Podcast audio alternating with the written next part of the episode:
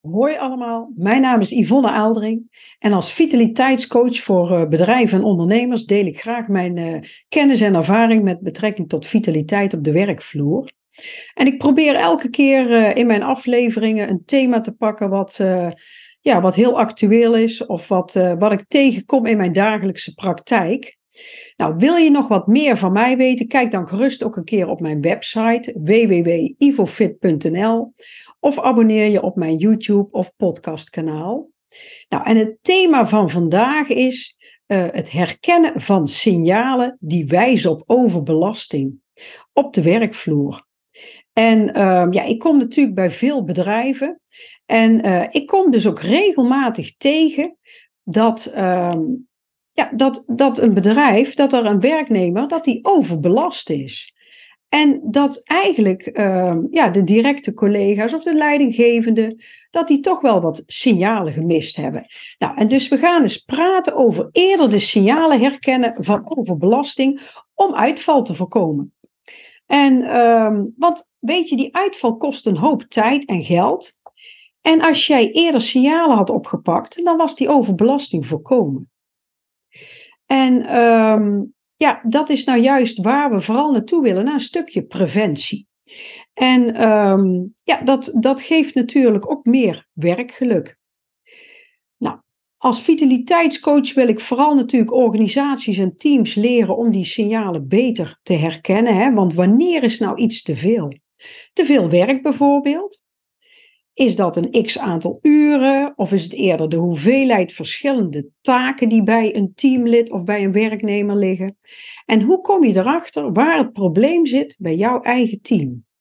Wat zijn de signalen die je collega's geven? en soms onbewust, maar wees heel alert als werkgever of als leidinggevende, maar ook in je rol als collega. Nou, en, en één signaal de allereerste is eigenlijk te veel werk voor één persoon. Kijk, wanneer iemand in deeltijd werkt, bijvoorbeeld uh, uh, drie of vier dagen per week, en er altijd is, dan heeft die persoon waarschijnlijk te veel taken of te veel verantwoordelijkheidsgevoel. En dat eerste kun je oplossen door met die persoon in gesprek te gaan, maar dat tweede punt uiteraard ook. En, want waarom pakt iemand meer werk op dan ze bijvoorbeeld in 32 uur kan wegwerken? En waarom schrijft diegene niet alle uren op die ze wel maakt? wat is de verdeling in het team? Ga daar eens naar kijken. Dragen alle teamleden evenveel bij? Maar is het werk nog steeds niet gedaan? Ja, dan mag je achter je oren krabben en eens kijken van, moet er iemand bij? Of uh, moeten er taken anders, uh, uh, anders aangepakt worden? Valt er nog ergens uh, ja, efficiency te verbeteren? Maar bijvoorbeeld een, een, een voorbeeld is, hè, je werkt als leidinggevende op een afdeling en je ziet twee collega's die vaak overleggen over de werkzaamheden. Collega Suzanne die werkt veel extra uren, hè, naar eigen zeggen, omdat ze dat graag doet, niet erg vindt. Daarnaast heb je collega Nadine, die regelmatig wat eerder stopt met werken.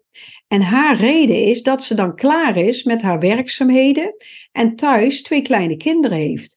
En misschien zijn deze twee teamleden zich er niet van bewust dat ze samen eigenlijk een scheve balans in het team in stand houden.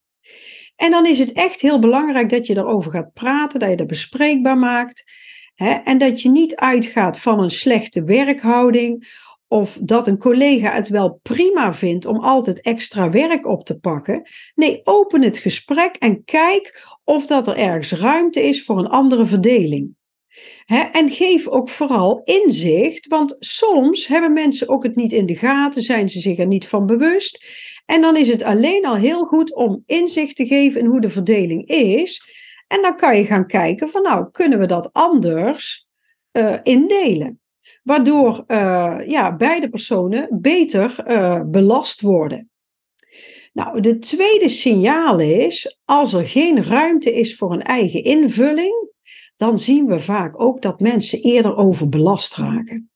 Nou, en stel dat iemand op een hele drukke afdeling uh, werkt of een flink takenpakket heeft en die moet de hele dag zoveel mogelijk taken afvinken binnen de werktijd die beschikbaar is Nou, daar valt het werk met de mensen, uh, hè, de klant of een patiënt, maar ook de administratie, teamoverleg, het opnemen van de telefoon. Nou, ga zo maar door, dat valt daar allemaal onder.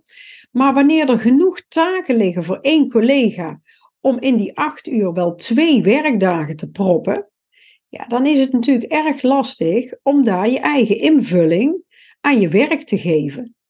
Want dan ben je eigenlijk alleen maar heel hard aan het werken om het broodnodige te doen. En bijvoorbeeld een keer een persoonlijk praatje maken hè, ehm, met een klant of een, uh, een cliënt. Of een geruststellend woordje of uh, een vraag beantwoorden van een collega. Ja, daar is eigenlijk gewoon geen tijd voor. En dat zijn juist ook hele belangrijke dingen voor mensen die het werk heel waardevol kunnen maken, waar iemand ook werkplezier Kijk, en wanneer er geen ruimte is om als persoon aanwezig te zijn in je werk, dan gaat eigenlijk het werk al heel snel zwaar aanvoelen. Dan is het al snel een belasting en voelt het zwaar en lang duren. En daarmee zie je dat de werkmotivatie omlaag gaat als je pech hebt, maar vaak ook de kwaliteit van het werk.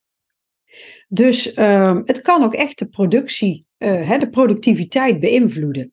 Dus kijk ook echt wat er nodig is in jouw team voor de verschillende teamleden. Hè, en besteed wat, hè, investeer wat meer tijd om dingen te bespreken en zorg op de lange duur ja, eigenlijk voor structureel werkgeluk is mijn uh, advies.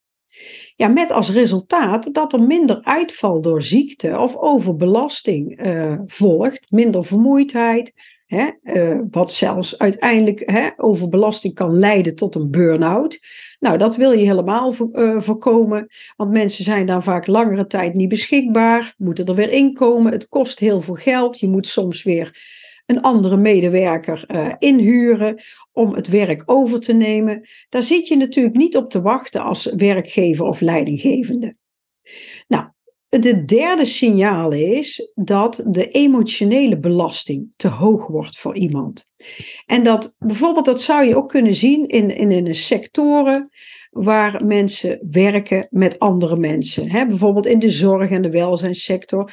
Dan zien we dat niet alleen het werk fysiek zwaar is voor uh, werknemers, maar zeker ook mentaal. Mensen zijn ziek of kunnen minder zelf doen door een beperking. Niet elke patiënt is lief en geduldig. En bijvoorbeeld een overlijden van een patiënt of een cliënt, dat kan heel dichtbij komen voor een zorgmedewerker. Dat kan er inhakken. Het kan zijn dat ze die cliënt of patiënt al een tijd verzorgd hebben hè, en ook wel een, een band opgebouwd hebben. En um, ja, er regelmatig naar zo iemand toe gaan of iemand verzorgen. Dus dan valt er best wel iets weg. En dan is het heel belangrijk dat er ook ruimte aan emoties gegeven wordt. Dat er over gesproken kan worden over ja, dingen die emotioneel belastend zijn of die ze als lastig ervaren, maar die wel bij het werk horen. En laat mensen dit niet zelf uitzoeken, maar plan bijvoorbeeld ook regelmatig uh, uh, of een praatgroepje of gesprekken in. Neem de tijd om te checken bij jouw team of bij je teamleden of dat ze ja, te veel emotionele belasting ervaren. En zeker vlak nadat er iets heftigs is gebeurd, dan kan het soms zijn dat collega's of medewerkers echt uh, ja, hun hart moeten luchten. En daar misschien wel heel luchtig over doen en zeggen: ja, dit hoort erbij.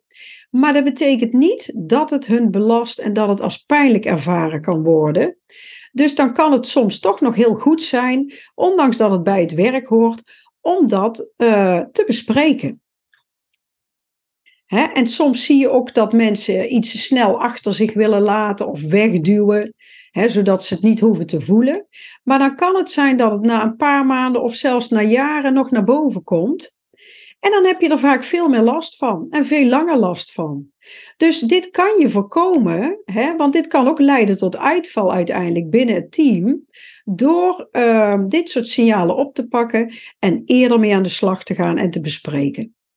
Nou, mocht je hierbij uh, ondersteuning nodig hebben of een keer vrijblijvend met mij in gesprek aan willen gaan, hè, of je herkent voorbeelden uit mijn uh, verhaal, nou, ehm, dan mag je altijd een keer bij me aankloppen. Hè? Want als leidinggevende of als collega kun je veel signalen vroeg oppikken door ehm, ja, er met uh, je collega over te praten. Nou, en het is natuurlijk wel zo dat het soms ook wel eens heel fijn kan zijn om met iemand van buitenaf uh, te, uh, ja, te bekijken van wat is er nog, hè, welke signalen kunnen we nog mee aan de slag. Iemand die met een professionele blik meekijkt, die ook een stukje begeleiding en advies kan geven. Hè, en dat ehm, voordat iemand echt uitvalt en het probleem van hoge werkdruk en belasting alleen maar meer groeit hè, en uiteindelijk ehm, ja, consequenties heeft. Dus ik hoop dat dit ehm, nuttig was. Ja, en dat je deze signalen, dat je die in je achterhoofd hebt. Um, en dat kan heel veel uh, opleveren om daarmee aan de slag te gaan. Nou, uh, mocht je dit nuttig vinden, um, deel ook gerust mijn aflevering met anderen. En ja, ik zou zeggen graag tot een uh, volgende keer.